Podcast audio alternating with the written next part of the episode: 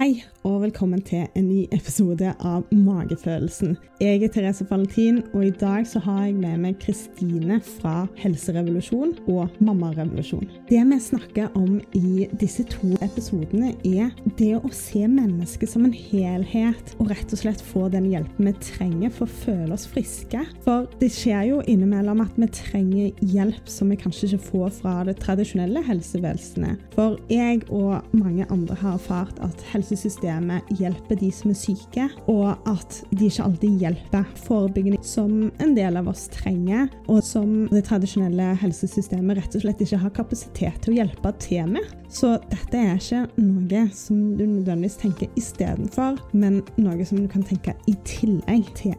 Så hva er det folk som Kristine hjelper til med? Det er rett og slett hvordan vi kan leve et liv som sørger for at vi ikke blir syke.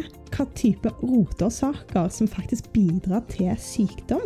Jeg er blant de som brukte et sånt tilbud og faktisk ble frisk. Fordi at jeg følte meg ikke frisk, men fikk beskjed av legen om at jeg var det. Og jeg følte ikke at livskvaliteten min var på topp. Så det jeg har lært, og det Kristine forteller mye om, er rett og slett hvordan vi kan stille de rette spørsmålene, sånn at vi kan sørge for at vi får god livskvalitet, og at vi forstår hvordan det vi dytter i og på kroppen vår, faktisk påvirker oss, og de livsvalgene vi tar, hvordan de påvirker oss, og at vi faktisk kan velge annerledes og få det bedre.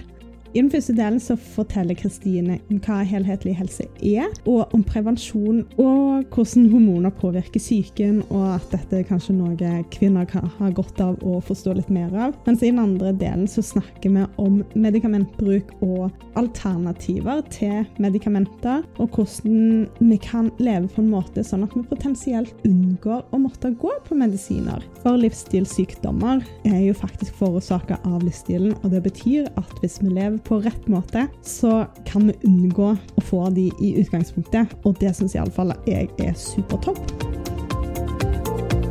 Hvorfor syns du medikamentbruket vi har i dag, er problematisk?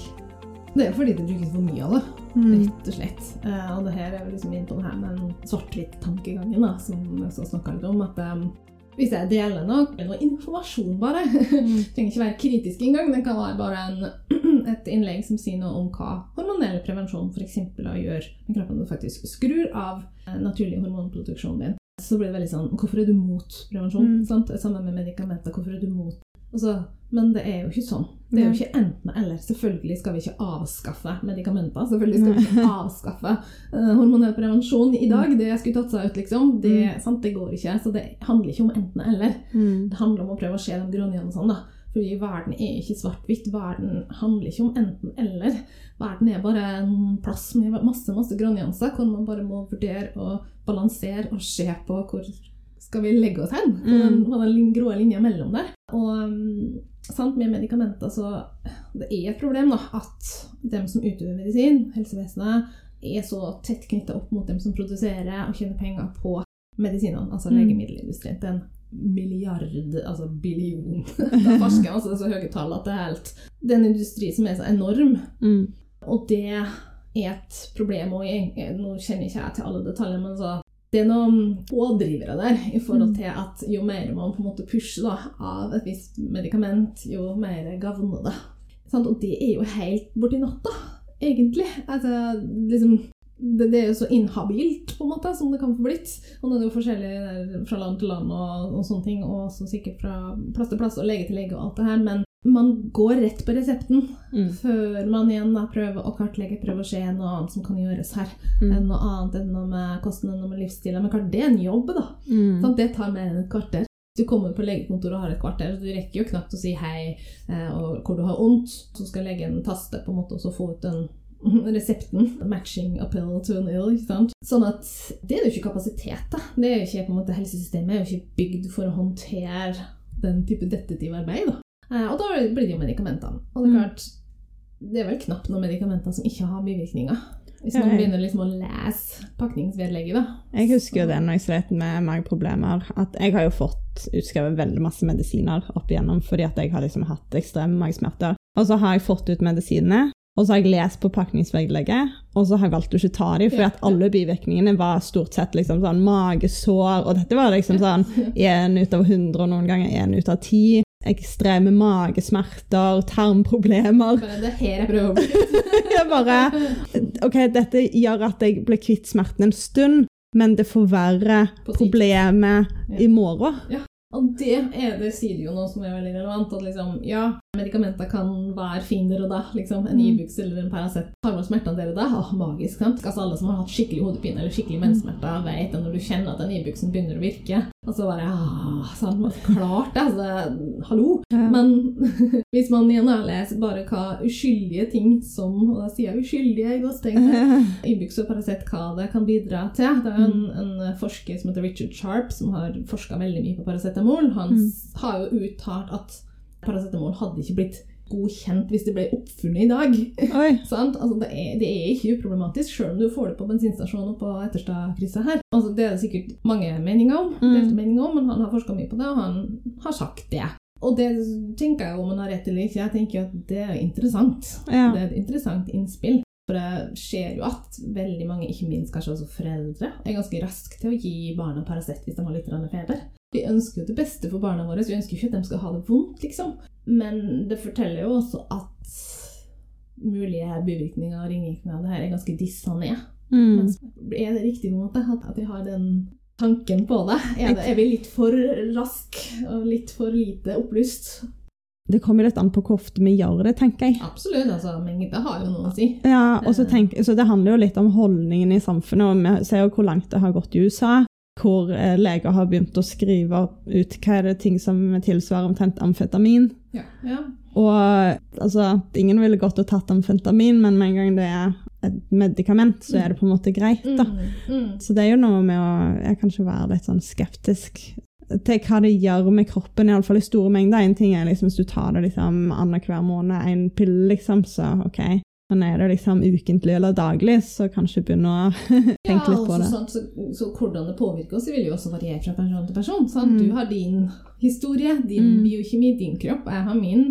Barn, eh, sant? mindre kropper, annen biokjemi. Noen er mer utsatt for de her bivirkningene enn andre. sånn at om det går bra med naboen, så er det ikke sikkert det går like bra med oss. liksom. Mange ting å ta i betraktning her. og Det er umulig, tror jeg, å si, kunne si helt sikkert om noe er liksom helt trygt eller tankegangen. Mm. Vi mennesker ønsker jo gjerne å liksom kategorisere ting og tenke svart-hvitt, for da er det lett å holde seg til rett eller galt. Men det er mye mer slitsomt å skulle forholde seg til noe midt imellom. Da må vi i større grad ta et valg hver gang, og det er slitsomt. Skremmende. Men så tror jeg ofte at det kanskje òg er sånn at de mest heftige medikamentene er de som er mest nødvendige. Mm. Altså, sant? Han, um, Nils Christian Gelmin har skrevet den boka som heter 'Pillebefinnende', som jeg absolutt anbefaler alle å lese. Som en sånn fin greie for å kanskje endre litt på den grunnholdninga si. Så kanskje man tenker seg om en gang ekstra sant? Mm. neste gangen det er snakk om smertestillende, ikke smertestillende eller medikamenter da, generelt. Han er også nyretransplantert. Så han må gå på veldig sterke immunsupprimerende medikamenter resten av livet for at kroppen skal takle å få den Mm. nyra. Det har masse bivirkninger. Så han er også veldig tydelig på at jeg er jo ikke mot medikamenter. Hadde det ikke vært for medikamentene, så hadde ikke jeg overlevd. Nei. Men han har likevel skrevet den boka fordi det er viktig at det likevel kommer frem. Så jeg Mm. tenker at kanskje de medikamentene som har de mest heftige bivirkningene, det er kanskje de som er mest livreddende og mest nødvendige. Men så jeg tror svaret mitt ville vært at de som er mest problematiske, er de som går under radaren. Du tar det litt for lettvint, så Mm. er liksom kanskje livsstil i mye lettere grad kunne endre det. Altså, Livsstil kunne nok ikke hjelpe Gelmiden til å takle nyretransplantasjon. Nei. Han er avhengig av medikamenter, men hodepine, menssmerter sant? Det er veldig mange ting man kunne ha gjort her sammen med syrenøytraliserende. Antidepressiva også. Jeg skal ikke si at det ikke er nødvendige ting, men ja, det er egentlig en annen, en annen historie. Det tror jeg også veldig mye biokjemi og tarm og bethold og masse ting kunne, eh, man kunne tatt tak i. Det, men det krever innsats, da. Det krever litt. Du har jo stort fokus på det med livsstilssykdommer og medisiner som vi tar som kanskje er reseptfrie. er jo gjerne de vi tar ved grunn av at vi har en startende livsstilssykdom. Ja, det er jo også sånn de tingene som truer folkehelsa mest, er ikke ting som pop, kommer over natta. Sant? Det er ikke en Mm. infeksjon over kutt i fingeren. Det er ikke de her tingene. Det er sakte, men sikkert liksom ubalanser som får lov å drypp, drypp, drypp, drypp i et glass, Mm. helt til en dag glasset rinner over. Og det er jo ofte den siste dråpen, den triggeren som jeg kaller det. Det kan jo være en mer konkret hendelse. Det er kanskje får skylda som årsak, men så er det masse, masse, masse andre Mm. rotårsaker og delårsaker i det glasset som var med på å fylle opp det glasset. Alt fra stress til sant, ultraprosessert mat som ikke gir oss de riktige byggeklossene, men som kanskje gir oss tarmirriterende stoffer, inflammatoriske stoffer, fettsyre, dårlig kvalitet, sånn, altså masse skit, rett og slett. Er det andre ting du ser som er liksom, sånn hovedtriggere som skaper livsstilssykdommer? Ja, altså, som sagt, altså, ernæring, stress, toksiner, altså forurensning av toksiner, altså alt fra alt vi smører på oss, til også si, forurensning i luft og vann, og ting som kanskje ikke er så lett å gjøre noe med. da. Egenpleie, vaskemidler, de her tingene, det er jo noe som er med på å fylle glasset vårt.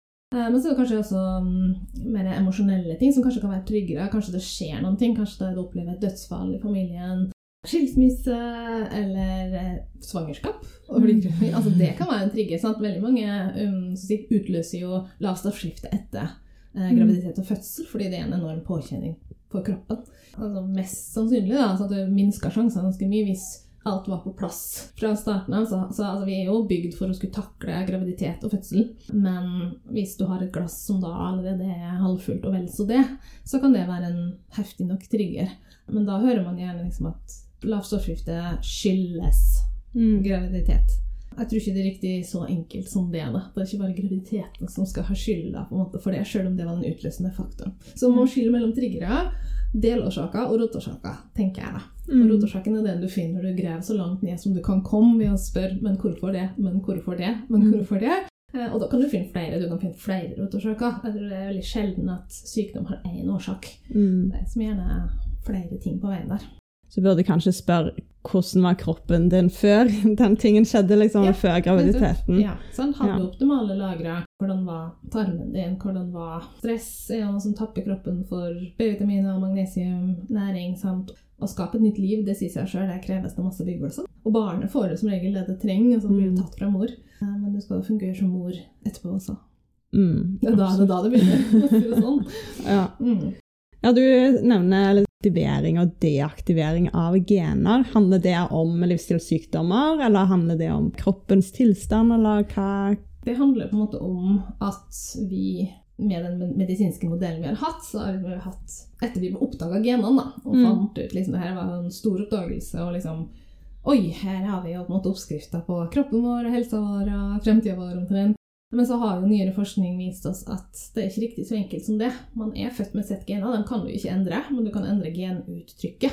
Og Mm. det er det jo Jeg er litt forsiktig med å kalle det bare livsstil, for det er det som Mm. veldig sånn å ja, du spiser ikke bra nok, eller du trener ikke nok. Eller, altså det er Mm. jeg kaller det for miljøfaktorer. Altså ting Mm. som skjer i livet ditt, ting du, som påvirker deg utenfra. Belastninger. Ja, livsstil er med på det. Hva man putter i munnen er en del av det. Hvor mye man stresser er en del av det. Mm. Hvor mye man beveger seg en del av det. Men som sagt også ting som vi ikke like mye rår over sjøl. Så det er jo litt, et litt vanskelig tema. Det handler ikke om å legge skyld på noen. Det, det er ikke din feil at du ikke visste at du kunne blitt deprimert av å slutte med noen. Altså, det er noen Nei. andre som har ansvaret for å informere deg om det.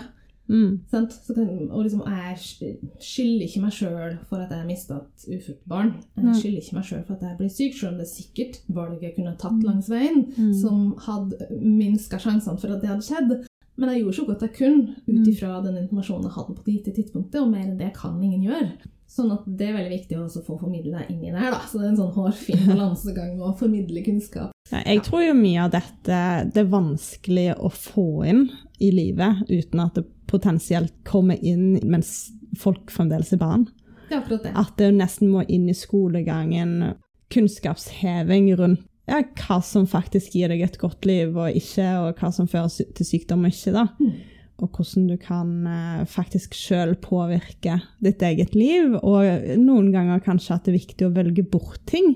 Sånn som du nevner, så liksom, det er ikke alt du kan påvirke. Du kan ikke bestemme hvordan de skal behandle deg, men du kan velge å kanskje fjerne deg fra situasjonen. Mm. Eller hvordan å lære deg å selv stå støtt i deg sjøl til å Mm. For du, egentlig blir du ikke påvirka av noe du ikke lærer deg sjøl bli påvirka av. Da. Nei. Da er vi liksom inn på et annet tema, men liksom, du får ikke valgt bort foreldrene dine. Eller så det, liksom, det er ikke bare å skille seg. Liksom, hvis man barn, kanskje. Altså? Liksom, det er ikke alt som er like lett å bare knipse med fingrene og gjøre noe med. Nei. Men det du sier der er veldig viktig, for du må, og det var derfor jeg starta mammarevolusjon. Fordi jeg Mm. starta med helserevolusjon først. Det er liksom på en måte den overordna visjonen min. Da, det at Mm. vi skal få gjort om, endra, fått en holdningsendringer hos folk i forhold til det å ta ansvar for egen helse, det å innse at gener er ikke alt, men det er masse man sjøl kan gjøre, det å empower da, på engelsk Mm. folk til å ta tak sjøl, fordi per i dag så har vi liksom ikke et helsesystem som egentlig kan hjelpe folk med det. Så man, vi må tenke forebygging, og, vi må, og blir vi syke, så må vi tenke oppnøsting og helhetlig og funksjonell medisinsk tilnærming på ting. Det er det helserevolusjonen går ut på. Men i jobben med det så fant jeg ut at det var så mange som kom til meg, og hvor jeg så her, vet du, her har du på en måte egentlig utfordringer som har starta så tidlig i livet.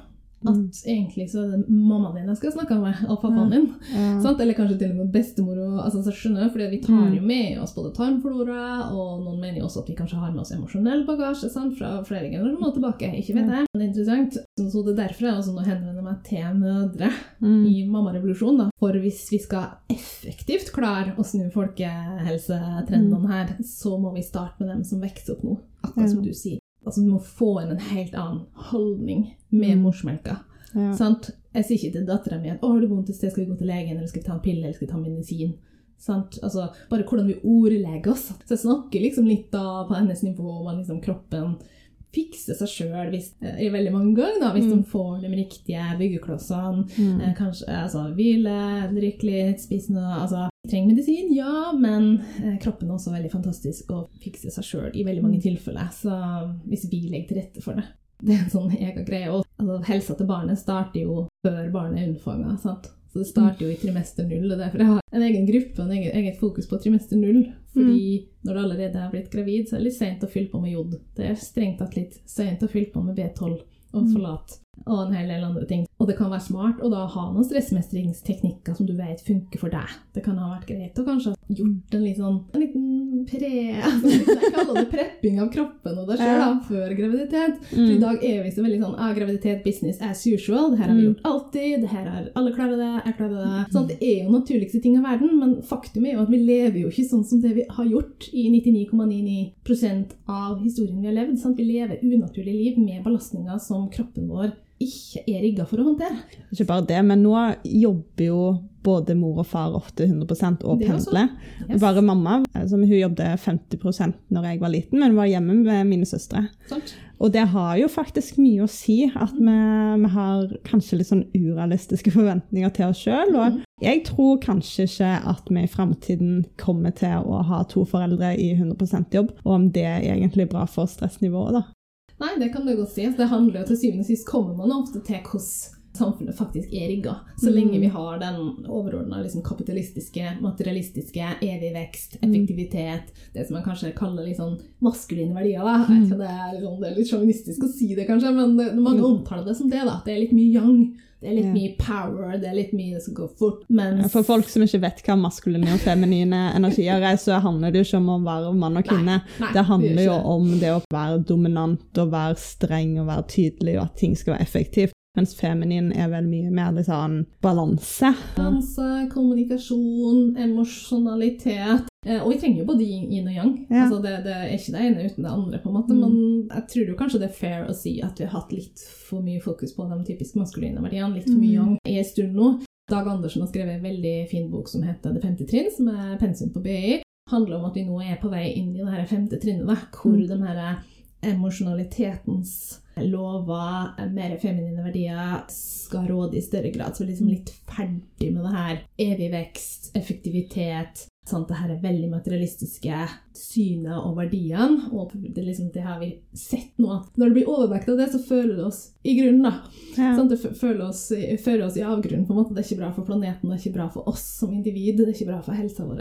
Mm. Så vi trenger noe annet, vi trenger å balansere det her med litt andre ting. Så ja, jeg tror kanskje du har rett, at, eh, og, det, og det er for- for meg et ja, en ønskelig visjon. Mm. Men det handler jo ikke om at mor skal tilbake til kjøkkenbenken. Sant? Nei, nei. Ja, men det kan jo godt være at eh, både mor og far kanskje i fremtiden jobber 80% eller noe sånt sted, da. Ja. Eller at du får det til på en annen måte. Kanskje det blir mer vanlig å kanskje ha noen som hjelper til hjemme.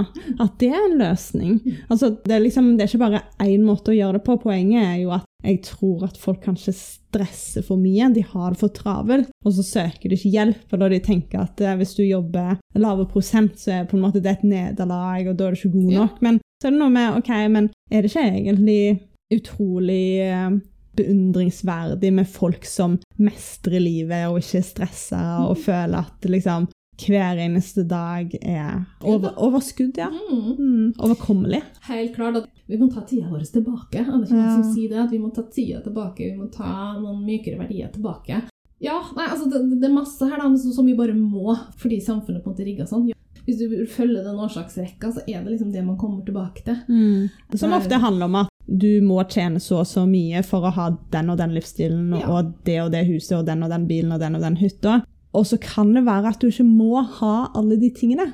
Nei, det er det man må begynne å stille seg spørsmål om. Du vurderer det ikke engang, Nei. fordi at det er så langt utafor normen. på en måte. Vi må som foreldre begynne å stille flere spørsmål. Ja, men Mm. må vi det? Mm. Må vi det i dag, eller må vi ikke? Ja. Sant? Still litt andre spørsmål, Ja. tenker jeg, og så finner man jo ut hva som er riktig for seg. Kanskje gjøre det som gjør at du har en livsstil som eh, gir deg overskudd. Ja, være ærlig med seg sjøl. Ja, kanskje bare lyt, ja, at du lytter litt mer etter. Det er ikke sånn at, er at du skal finne fasiten utenfor, men du skal finne fasiten i deg sjøl. Ja. Fordi at det er noen som elsker å jobbe og, Ja, ja. og har lyst til å jobbe 150 mm. og så er det andre som kanskje merker at det blir for slitsomt. Og jeg tror kanskje det er flere i den kategorien. Det er noen som på en måte finner alt overskudd på jobb, og det er liksom det, det som driver dem, men andre trenger nok mer hvile og egentid og tid med familie og med venner, og det er der de finner energien. Så finner liksom hvor finner du energien, og hva burde du kanskje hente mer av inn i livet, da? Mm. Vi må sette oss ned som, Mm. som familie da, og så ha den diskusjonen om hva er det som betyr mest for oss. Hva er det jeg ønsker mer av, hva er det jeg ikke ønsker. Sånn At vi på en måte tar den dialogen og ikke bare blindt følger liksom et spor som er opptråkka av andre, fordi at det er sånn man gjør det. Kanskje man skal altså, våge å gå ut av boksen, da. Ja. Og det er jo også litt det med barneoppdragelse også kommer inn. At, liksom, sant, at hvis, vi, hvis vi bare fortsetter sånn blindt, så er det jo også det vi på en måte lærer videre til barna våre. Da. Det er jo de Mm. holdningene vi også Da legger man jo også grunnlaget for et mulig sant? litt sånn krasj der, da, og i forhold, også i forhold til helse, selvfølgelig. Så liksom det å mm, ikke bare gi ungene skikkelig mat og sant, alle de her fysiologiske tingene og passe på at de får nok av B12 og magnesium og ditt og datt, det er jeg liksom opptatt av, men også litt med hvordan vi ordlegger oss, hvordan vi velger å rigge livet vårt. Ja, det har så mye å si for, Mm. eh, for helsa, fremtidig helsa til barna. Absolutt. Jeg mener at vi har kommet for langt bort fra naturen. Mm. Altså, det høres veldig sånn flosklete ut, kanskje, men, men som sagt, vi, jeg mener at vi blir syke, og at helsestatistikkene ser ut som de gjør, fordi vi eh, lever et for unaturlig liv. Og da mener jeg ikke at, liksom, at vi skal flytte ut i skauen og bo i tredjepitte og drite i åkeren. Men sånt små ting, alt fra lys, eksponering til å bevege seg, til å spise råvarebasert mat, til å kanskje leve litt mindre etter klokka i den grad det lar seg gjøre. Sant? Gjøre justeringer som er nærmere sånn som vi har levd alltid. Det som Mm. kroppene våre er vant til biologisk. Eh, Så, så det mener jeg liksom er hovedproblemet. Og vi er jo liksom hardwired til å overleve. Mm. Vi er jo liksom hardwired til liksom å hoarde. Sant? Mye vil ha mer, legge opp lager for vinteren. Eh, hvis man sånn tenker tilbake så liksom, Det er jo de her eh, tingene her da, med den evige veksten, mye vil ha mer, som har tatt overhånd. Det her konkurranseinstinktet vårt. Som jo ikke noe gærent, det er noe som ligger i oss, og som kanskje er nødvendig for å overleve. da, Men ja, det har liksom blitt dratt for langt. Og så Mm. har vi på en måte fått samfunn med dem. normene og verdiene og den, den måten å gjøre ting på. Og så henger ikke kroppene våre med, for kroppene er sånn som de har vært. ikke sant? Mm. Eh, I millioner av år, egentlig, eller i hvert fall hundretusenvis av år. Mm. Eh, fysiologien vår, biokjemien vår, har ikke endra seg. Mm. Sånn den er ikke tilpassa det her. Men samfunnet har endra seg i rekordfart. Mm. Sant? Bare de siste hundre årene har det skjedd enormt mye. Ja, så håper jeg jo at Dag Andersen har rett, da. eh, Og at liksom vi går inn i en ny fase nå. Hvor flere og flere kanskje tar, stopper opp, stiller spørsmål, tar en uh, finger i bakken uh, for huet av ræva, eller hva man skal si. Og liksom si er det, her, er det det her vi vil? Går vi i Mm. riktig retning nå, eller må vi, må vi justere her? Mm. Uh, både på samfunnsnivå og på individnivå, rett og slett. Har du noen tips til folk som eh, ønsker å ta tak i sin egen helse? Hvor skal de starte? Ja, Da kjøper jeg en liten notisbok og få ned på en måte helsehistorien din. Få ned symptomer du har hatt. Skriv gjerne liksom, årstall. Det, det Mm. gjør jeg jo folk som kommer til konsultasjoner til meg. Må Mm. fylle ut det her skjemaet på forhånd, sånn at jeg vet noen ting. Hvis ikke så har jeg ikke noen Mm. ting å ta tak i. Uansett hvilken lege du går til, behandler du går til, de kommer til å spørre om de her tingene. Så det å ha tenkt gjennom det her på forhånd, Mm. fått det ned på papiret, en enorm viktig bevisstgjøringsprosess. Sett i gang nå i deg sjøl. Mm. Um, fordi der holdningsendringen Vi har vært så vant til å legge helsa vår over til en lege, over liksom til fagfolk. Mm. Så har vi liksom glemt vår egen posisjon og vår egen utrolig viktige liksom, rolle da, i Mm. den helbredelsesprosessen, eller den tilfriskningsprosessen. Mm. Så det å begynne der, og altså, sjekk B12 Ja. jeg ikke, liksom, hvis- jeg bare jobber Hva gjør B12? B12 er superduperviktig uh, i kroppen. for uh, Påvirker veldig mye nervesystemet. Det er viktig for søvn, uh, viktig for psyken. Viktig for generelt VVL, eller viktig for veldig mange ting. Jeg har et gratis hefte som ligger på denne på det òg, så man kan lese mer om det. men Sånn, grunnen til at jeg nevner er for at det er relativt lett å gjøre noe med det. Det påvirker veldig mye. Energi, søvn, uh, syke. Ting som mange plages med. Og jeg ser igjen og igjen og igjen og folk som kommer til meg for konsultasjon, at så lenge du er innenfor i referanseområdet, så sier legen ingenting. Mm. Så om du har B12 på 250 som er akkurat innenfor, så sier legen at det her ser greit ut. Veldig mange leger, dessverre. Og det kan være 250 er altfor lite. Det kan være nok til at du har veldig slitsomme symptomer pga. den mangelen. Sånn at det er en sånn veldig enkel ting å forbunde der. Sjekk det. Det i orden. Ok, så kan man korrigere det. Ok, har du, Så må du se på symptomene dine. Har du ting som kanskje skulle tilsi at stoffskiftet er litt ulage? Veldig vanlig for mange kvinner spesielt, Mm. men også for menn. Be om å få tatt de prøvene. Sånn. Så gå til legen din først, og så be om de standardprøvene. Få utskrift. Alltid få utskrift av prøvene, så du kan sjekke dem sjøl. Så du kan sjekke om den B12 er over 500, eller om den ligger på 200. Nå kan du jo gå inn og sjekke sjøl. Ja, sant? Om det er pasientsky eller hva som helst, bare sørg for å få se prøvene. Så du har dem, lager dem et sted. Skriv det gjerne ut og putt i en perm hvis du liksom har mye helseproblemer. Og så liksom, ok, nå starter jeg liksom her puslespillet, for det er et puslespill som skal legges. Eh, og du kommer ikke til å klare å gjøre det helt alene, du kommer til å ha hjelp, men ikke glem at du sjøl likevel har en utrolig viktig rolle i det. Mm. Og at du skal følge med på hva som skjer, du skal stille spørsmål til legen din. Og hvis du ikke kommer noe videre, så går du videre til en annen lege. Be om en second opinion, det er lov. sant? Så Mm. ta tilbake din egen rett her. Det er liksom litt det det handler om. En sånn pers personlig utviklingsprosess også. For mange er vi veldig vant til å liksom Ja, ja. sant? Liksom bukk og nikka med hatten i hånda. Du har sikkert rett. Det er du Mm. som kan det her. Vet jo ikke. Sant? Så prøv å snu litt på det og bli litt tøffere, da. Også. Mm. Så ja, så det, det er mange ting man kan gjøre. Det er i hvert fall kanskje råd Ja. til en start. da. Hvor du går videre derifra, kommer jo helt an på. Mm. Sånn? Kanskje kommer du i mål Mm. med å få retta opp B12-en din. Kanskje Mm. var det det som skulle til. Mm. Kanskje kommer du i mål med å få sett på stoffskiftet ditt, eller adressert tarmen din, eller få målt hormonene dine. Kanskje har du progesteronmangel. Sånn? Ok, Så finner du ut ok, da bør jeg kanskje kutte ut eller spise mindre av det. Kanskje jeg bør spise mer av det. Kanskje jeg bør ikke trene så hardt. Kanskje Mm. det holder for meg å gjøre litt yoga eller gå tur. Mange trener for hardt. altså Beinhard trening og stress på kroppen. da. Det passer ikke for alle. Det er individuelle hensyn du må ta. Du må bare ta skritt for skritt. Mm. Mm. Så bra. Mm. Veldig mange gode råd og tips. Hjertelig takk for at du hadde lyst til å være med. Tusen takk. Lytt veldig gjerne til noen av mine andre veldig inspirerende samtaler. Hvis du liker podkasten, så del den med andre som du tenker de kunne trengt litt inspirasjon. Lik podkasten, skriv kommentarer, følg meg på Instagram. Der heter jeg magefolsen.podkast med OE istedenfor Ø. Jeg håper jeg kan inspirere